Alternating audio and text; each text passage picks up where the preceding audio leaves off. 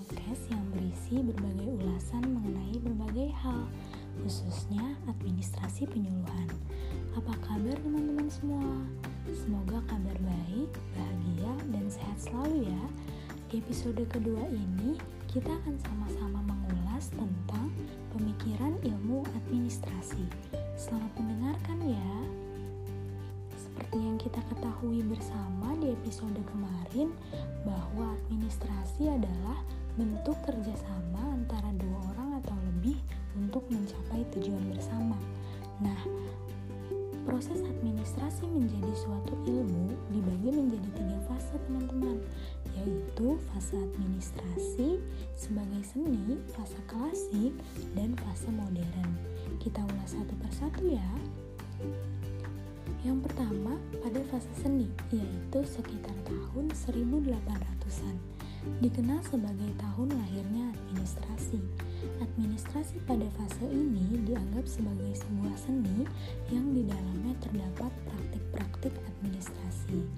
Kemudian fase klasik yaitu sekitar tahun 1910 sampai dengan 1930-an. Pada fase ini, administrasi mulai disempurnakan dengan adanya administrasi, gerakan manajemen ilmiah, birokrasi, dan hubungan manusia. Dan fase yang terakhir adalah fase modern, yaitu tahun 1940 sampai dengan sekarang. Pada fase ini, barulah administrasi dianggap sebagai sebuah ilmu yang di dalamnya terdapat pendekatan proses, perilaku, kuantitatif, sistem, dan kontingensi.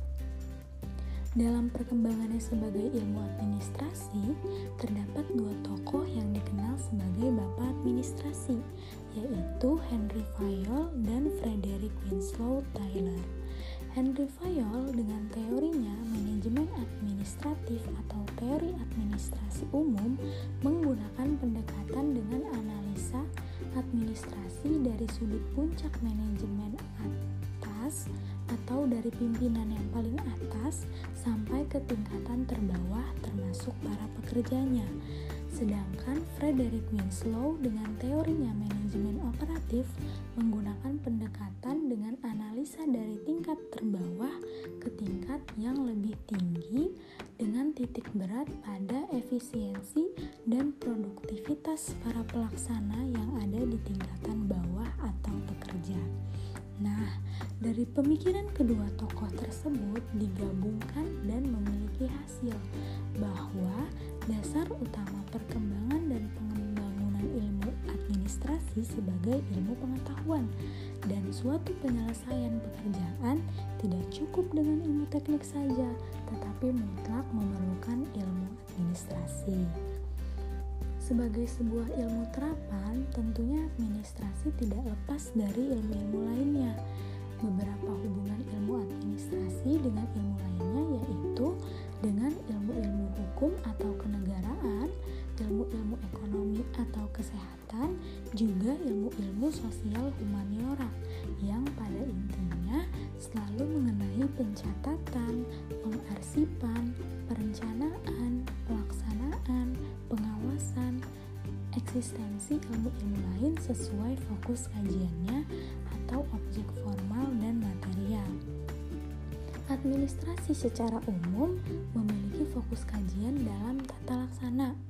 Administrasi negara fokus kajiannya adalah pengabdian. Administrasi kepegawaian terfokus pada penjabatan. Administrasi pendidikan fokusnya adalah keilmuan, sedangkan administrasi niaga fokus kajiannya adalah keuntungan. Nah, itu tadi adalah ulasan mengenai pemikiran ilmu administrasi. Semoga ulasan kita di episode kali ini dapat bermanfaat dan menambah pengetahuan teman-teman semua ya. Sekian dari aku di episode kedua ini. Istirahat sejenak dengan mengulas sejenak.